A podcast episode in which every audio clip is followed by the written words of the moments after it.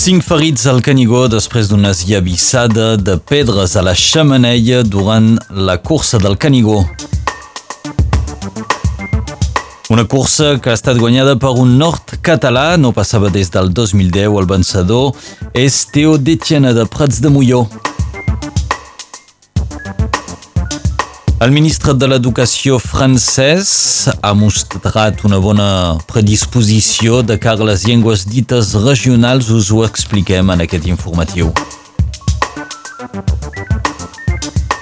Aviat començarà a l'UCE, l'Universitat Catalana d'Estiu, i s'ha confirmat enguany la presència de l'exprimer ministre i exlíder del Partit Nacional Escocès, Alex Salmon.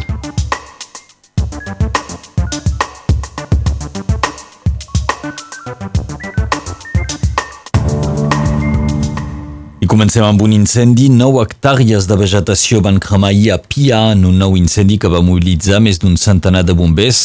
El foc va ser controlat a finals de tarda després d'haver cremat 9 hectàrees, però també 6 casots i una desena de carcasses de botures abandonades. Diversos ferits aquest diumenge al Canigú després d'una esllavissada de pedres a la xamaneia que mena al cim per la cara sud-est. L'accident va coincidir amb la cursa del campionat del Canigú que reunia enguany uns 700 corredors.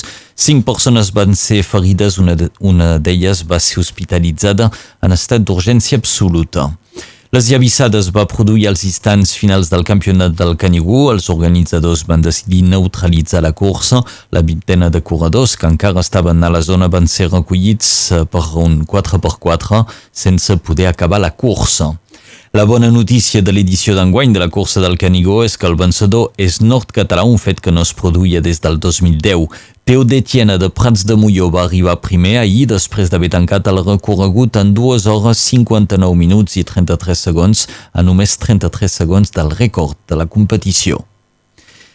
Des de divendres, unes 200 persones són reunides al, a l'Alt Vallespí per una festa, una rave party que no ha estat autoritzada per les autoritats.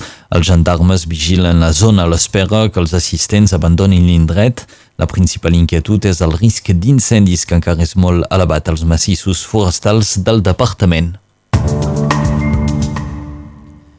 Hem de desenvolupar una ciència de la catàstrofe climàtica. Aquesta és la sorprenent crida llançada per un grup de climatòlegs. El canvi climàtic, diuen, podria provocar el col·lapse de la societat global o fins i tot l'extinció de la humanitat.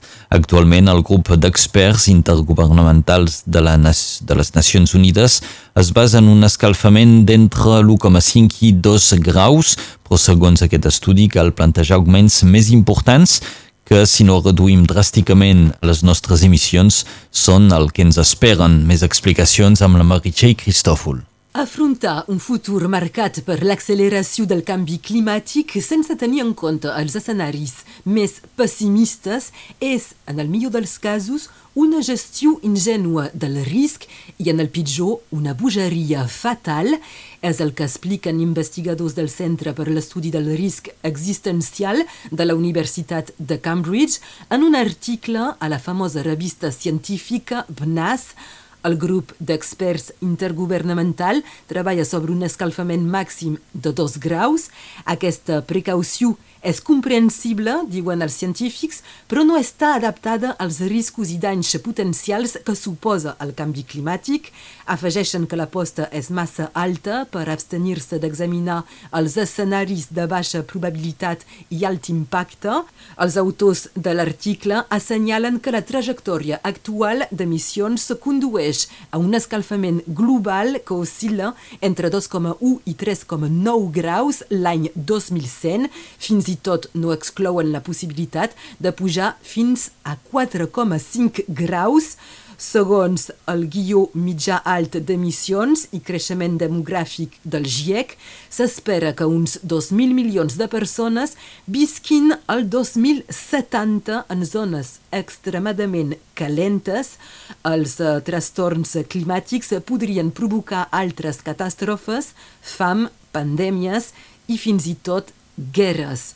Els autors de l'article recomanen posar en marxa un nou programa d'investigació que analitzi als estats extrems del sistema terrestre, els possibles fenòmens de mortalitat i morbiditat massiva i les vulnerabilitats de les societats que les poden portar al col·lapse, un programa que es podria anomenar Clima, final de partida, segons el títol de l'article. Moltes gràcies, Meritxell Cristòfol.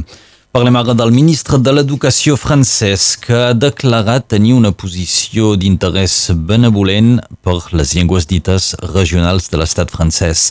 Durant una comissió dels afers culturals, Papendiaye ha subratllat no considera que l'aprenentatge d'aquestes llengües perjudiqui l'aprenentatge del francès.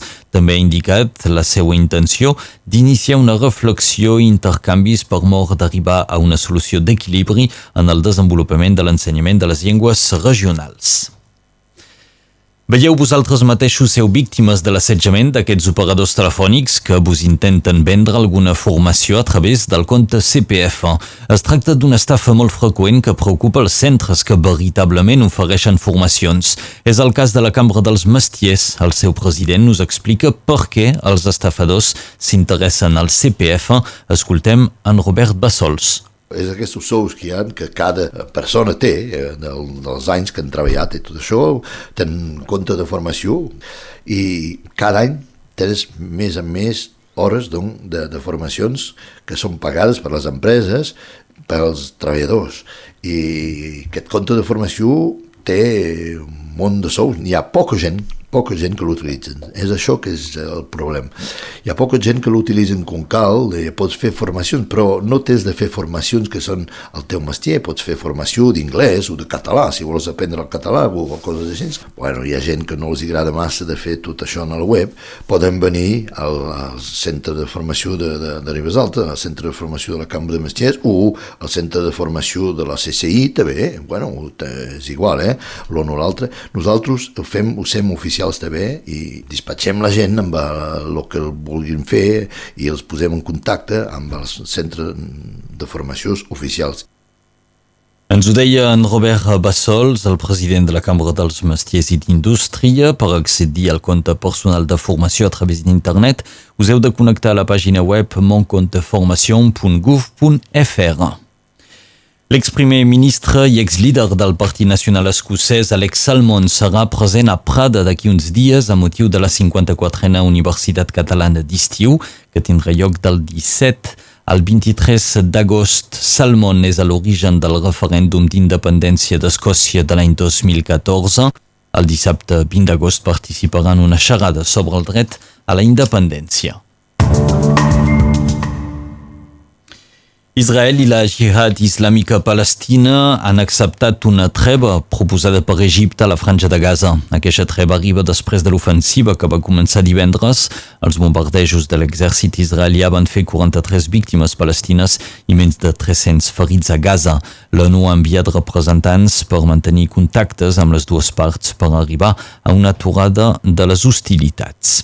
I es manté l'atenció al voltant de l'illa de Taiwan. La Xina ha anunciat que farà maniobres militars regulars a l'estret de Taiwan més enllà dels límits que ha respectat en els últims anys.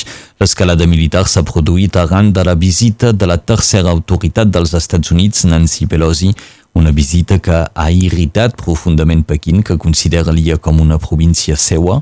Taiwan també ha mobilitzat avions i vaixells de guerra per fer front a l'amenaça xinesa. Un punt cultural amb el Museu d'Art Modern de Serret que acull Festival Jazz Antec amb un concert de Jean-Jacques Taïp i de Vittorio Silvestri. El concert serà lligat a l'exposició temporal que es pot veure al Museu Chagall, Modigliani, Soutini i companyia a l'Escola de París entre el 1900 i el 1939.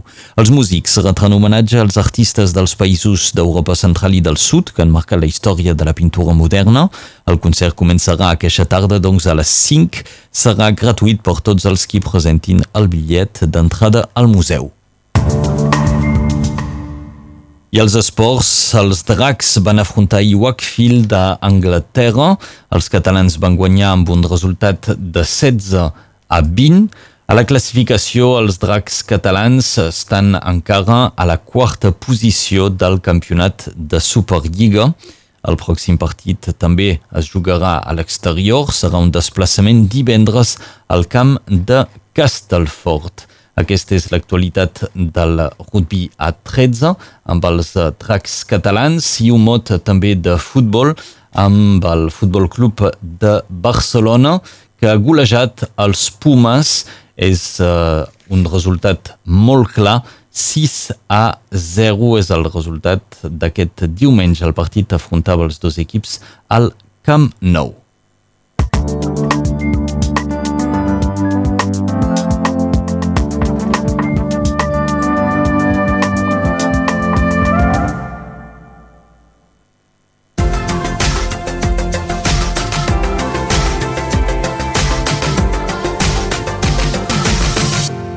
Ja comenceu a ser molt acostumat en aquestes fortes calors.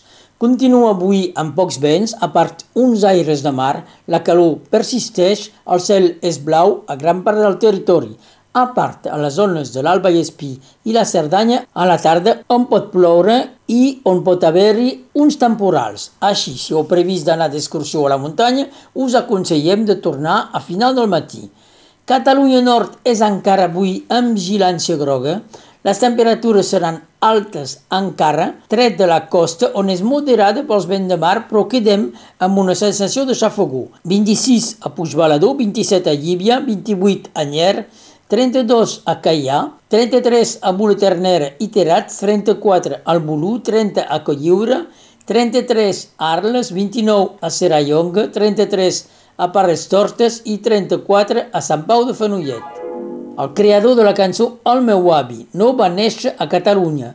Josep Lluís Ortega Monasterio va néixer a Cantabria el 8 d'agost de 1918. És avui l'aniversari del tenista suís Roger Federer, té 39 anys i és el Dia Internacional dels Gats i celebrem els domenecs.